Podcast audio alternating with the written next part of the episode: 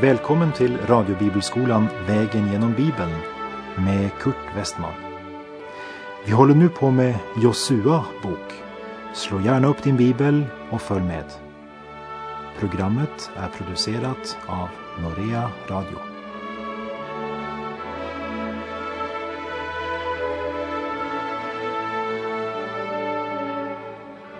Vi ska i det här programmet se på kapitlen 15 till och med 19 i Josua bok, där det handlar om hur landet överlämnas till Israels barn. Det sker en proportionell fördelning av landet till de stammar som i tro hade gått över Jordanfloden för att inta landet.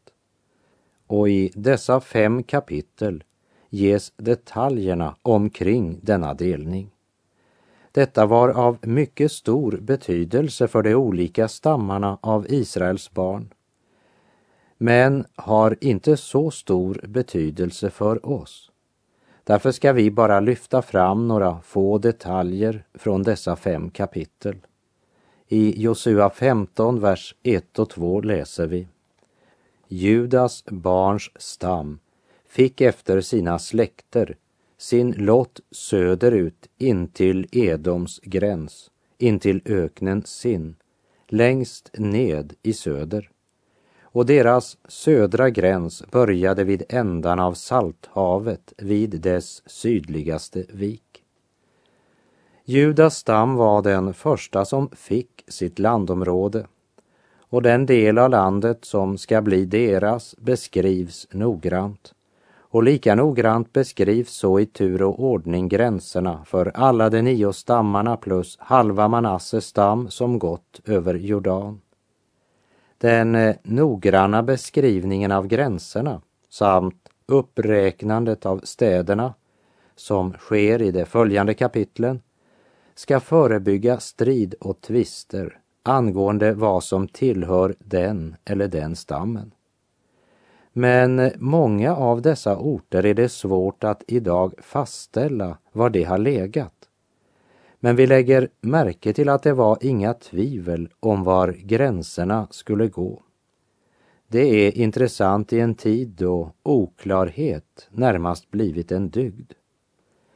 Josua kapitel 14 som vi vandrade igenom i vårt förra program talade bland annat om trons belöning när Kaleb får sin speciella arvedel. Vi såg också i kapitel 14 att Kaleb hörde till Juda stam och att Gud gav honom staden Hebron. Och i kapitel 15 får vi ytterligare några glimtar i denne Kalebs liv. Juda hade fått sin arvedel, men Kaleb som var av Judas stam fick alltså en speciell arvslott i kanan. Här i kapitel 15 berättas hur han intar sitt område. Josua kapitel 15, vers 13 och 14. Men åt Kaleb, Jefunnes son, gavs efter Herrens befallning till Josua en särskild del bland Judas barn nämligen Arbas, Anaks faders stad, det är Hebron. Och Kaleb fördrev därifrån Anaks tre söner, Sesai, Ahiman och Talmai, Anaks avkomlingar. Landet Kaleb hade fått tilldelat var alltså den svårtillgängliga bergsbygden där Anaks barn, jättarna, bodde och han är redo att ta upp kampen med dessa jättar. Ja, han är lika beredd nu, 85 år gammal, som han var den gången han hade varit inne och bespejat landet. Och vi läser verserna 15 till 19. Därifrån drog han upp mot Debirs invånare, men Debir hette förr i tiden Kirjat Sefer, och Kaleb sade, åt den som angriper Kirjat Sefer och intar det vill jag ge min dotter Axa till hustru. När då Otniel, son till Kenas, Kalebs broder, intog det gav han honom sin dotter Axa till hustru.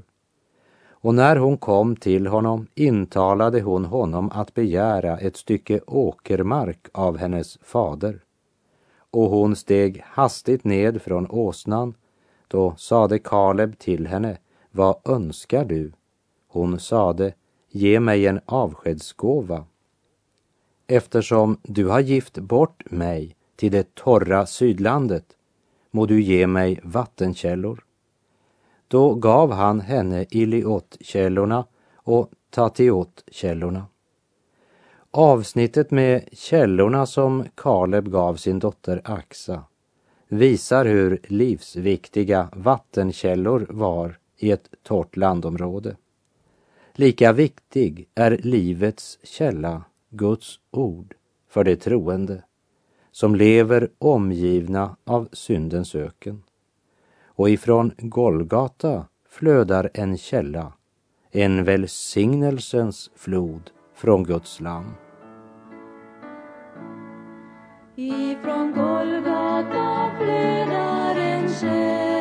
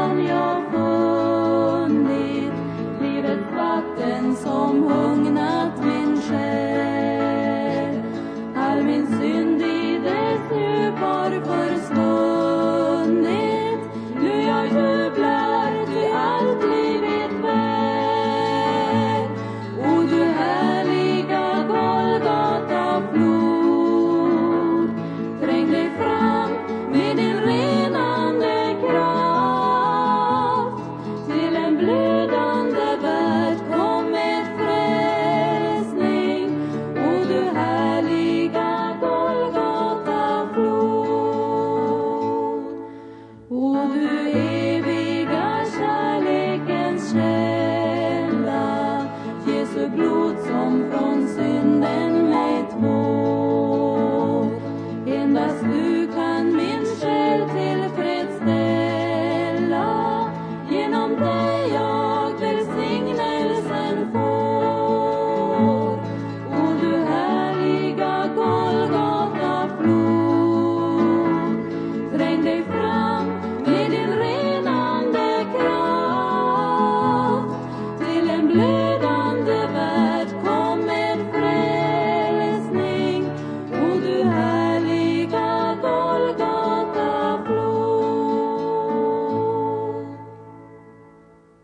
Josef var ju en av Jakobs tolv söner.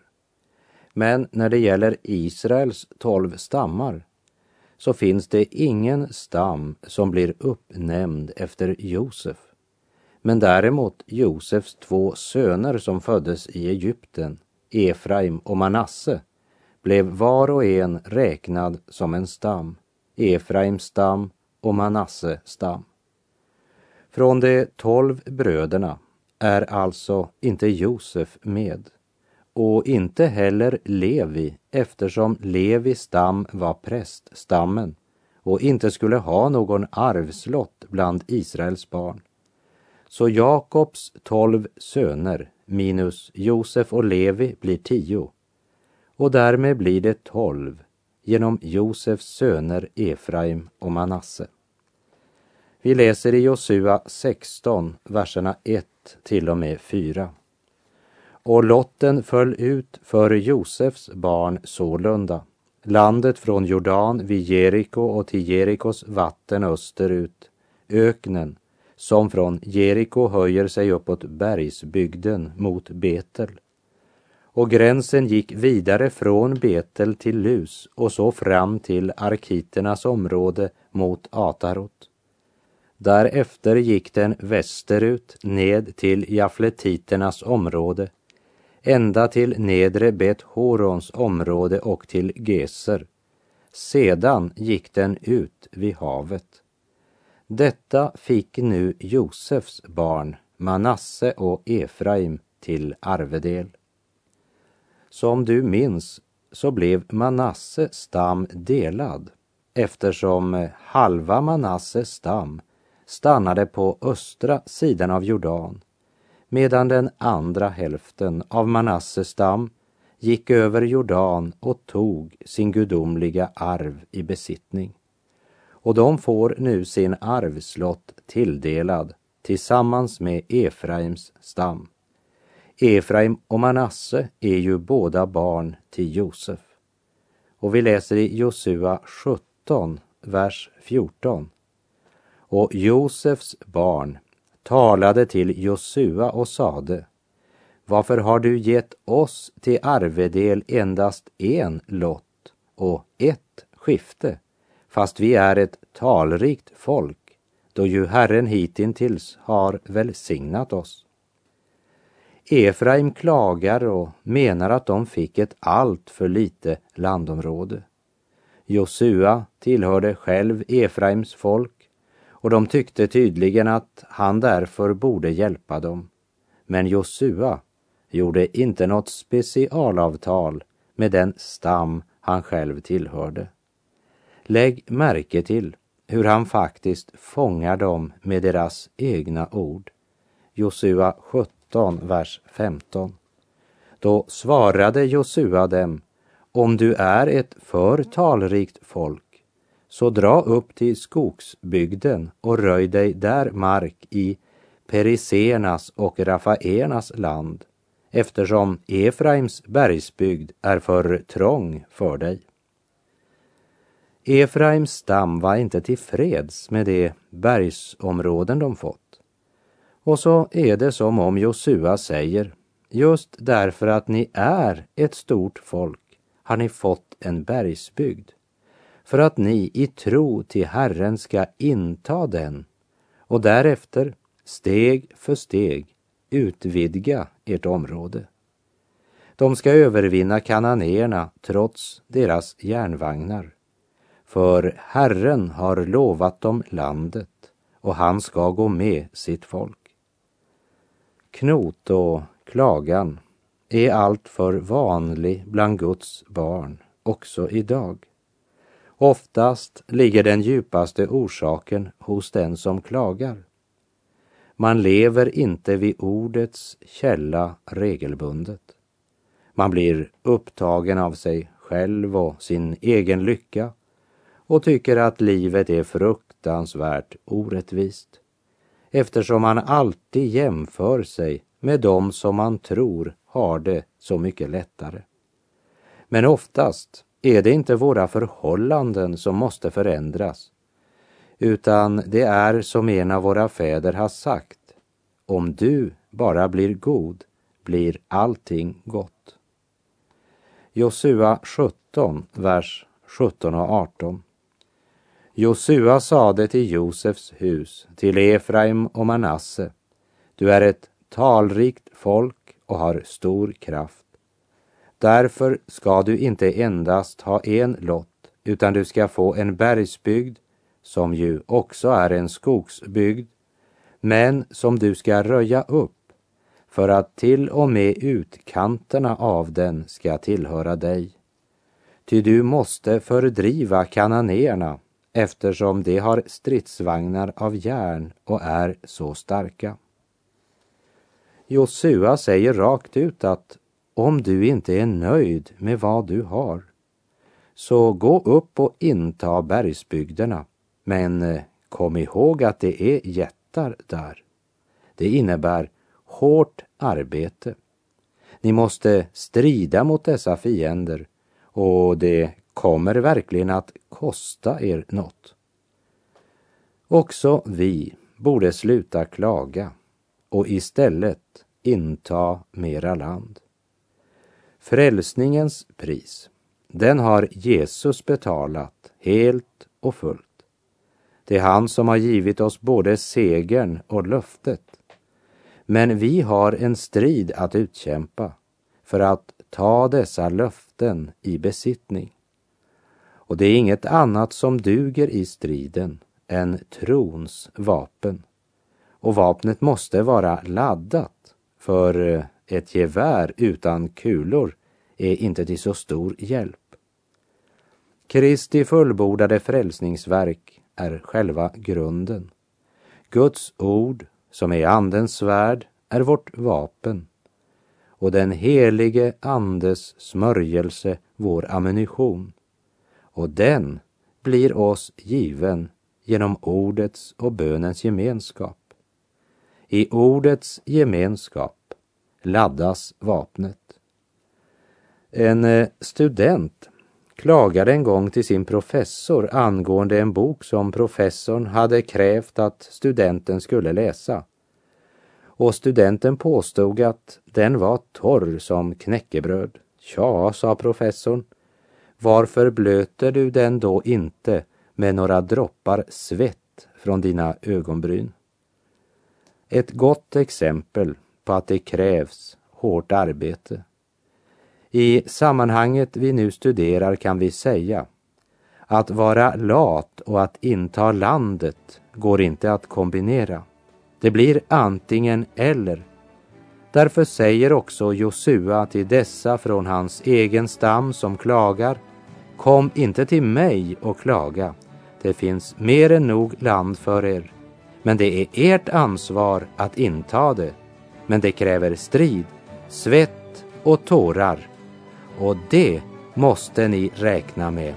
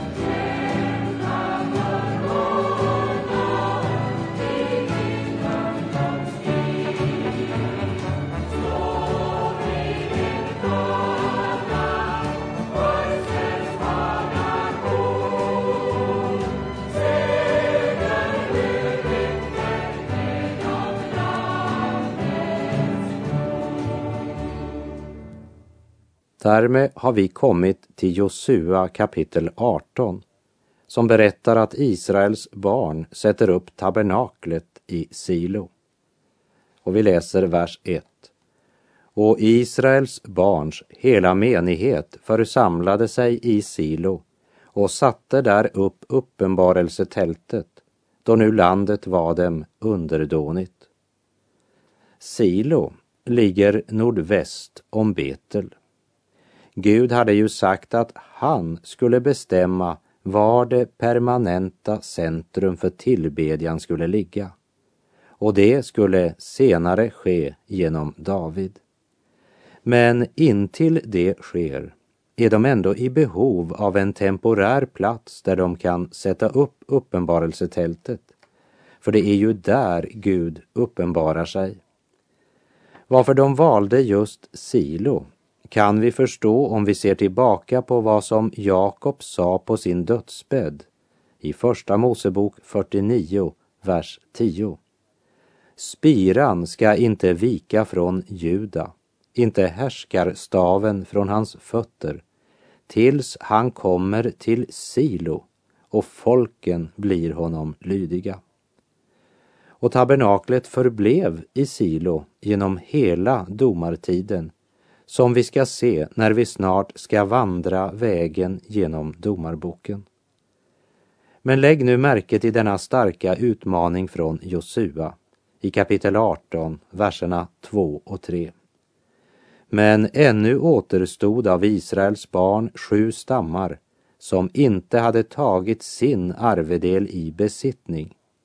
Därför sade Josua till Israels barn, hur länge vill ni försumma att gå iväg och ta i besittning det land som Herren, era fäders Gud, har gett er? I Bibelsällskapets språkliga revision av 1917 års översättning står det tyvärr att de sju stammarna inte hade fått sin arvedel sig tillskiftad. Men arvedelen var tillskiftad, men de hade inte intagit sin arvedel. Det vill säga, sju av stammarna stod där med händerna i byxfickorna och de undrar, vad vill du ge oss, Josua? Josua svarar, ni har fått ett bestämt område. Gå och inta det. Hur länge har ni tänkt dröja? Och den frågan gäller även dig och mig idag. Han har skänkt oss och berett för oss all andlig välsignelse. Men vi är allt för likgiltiga och slöa när det gäller att inta vår utlovade arv. Gud har varit oändligt god emot oss och vi har orsak att tacka och prisa honom för hans nåd, hans kärlek, hans godhet och barmhärtighet. Underbara är Herrens alla välgärningar mot oss. Varför är vi så ovilliga att inta löftena han givit oss? Efter de här orden från Josua så började också dessa sju stammar att äntligen handla efter det de hört. Det här kapitlet avslöjar hur detaljerat Gud beskriver Israel och det land som ska tillhöra dem. Landet och folket hör ihop. På samma sätt är Gud intresserad i just ditt liv. Ditt privatliv är inte privat. Han känner dig som en uppslagen bok. Och det finns en detaljerad plan också för ditt liv. Bli stilla inför honom. Han som har lagt gärningar färdiga för att du ska vandra i dem. Men om du ska vandra i dem så måste du dra upp händerna ur byxfickorna, öppna bibelboken och gå och inta landet. Från Josua kapitel 19 ska vi bara nämna de tre sista verserna, verserna 49 till och med 51. När Israels barn så hade utskiftat landet efter dess gränser gav det åt Josua, Nuns son, en särskild arvedel bland sig. Efter Herrens befallning gav det honom nämligen den stad som han begärde, Timnatsera i Efraims bergsbygd. Och han bebyggde staden och bosatte sig där. Dessa var de arvslotter som prästen Eleasar och Josua, Nuns son, och huvudmännen för familjerna inom Israels barns stammar utskiftade genom lottkastning i Silo inför Herrens ansikte vid ingången till uppenbarelsetältet. Så avslutade det nu fördelningen av landet. Det är ju mänskligt att tänka att eh, därför att Josua var en verklig gudsman som framgångsrik hade anfört Israel i striden mot kananéerna så skulle Israels barn säga till honom att Nu kunde han välja vilken del av landet han ville för att själv slå sig ner där. Och på ett sätt är det det som sker. Men eh, lägg noga märke till att först hade Josua bett om en bestämd del och så blev saken lagt fram inför Herren. Så Josua fick sin önskade arvedel, inte för att Israels barn tyckte att det var okej, okay, men därför att genom lottkastning lät man Gud avgöra också den saken. Och det var inte något drömområde Josua hade valt. Men detta karga område, knappt 20 kilometer från Silo, får oss att förstå att Josuas val på många sätt påminner om Abrahams val när han sa till Lot, välj du.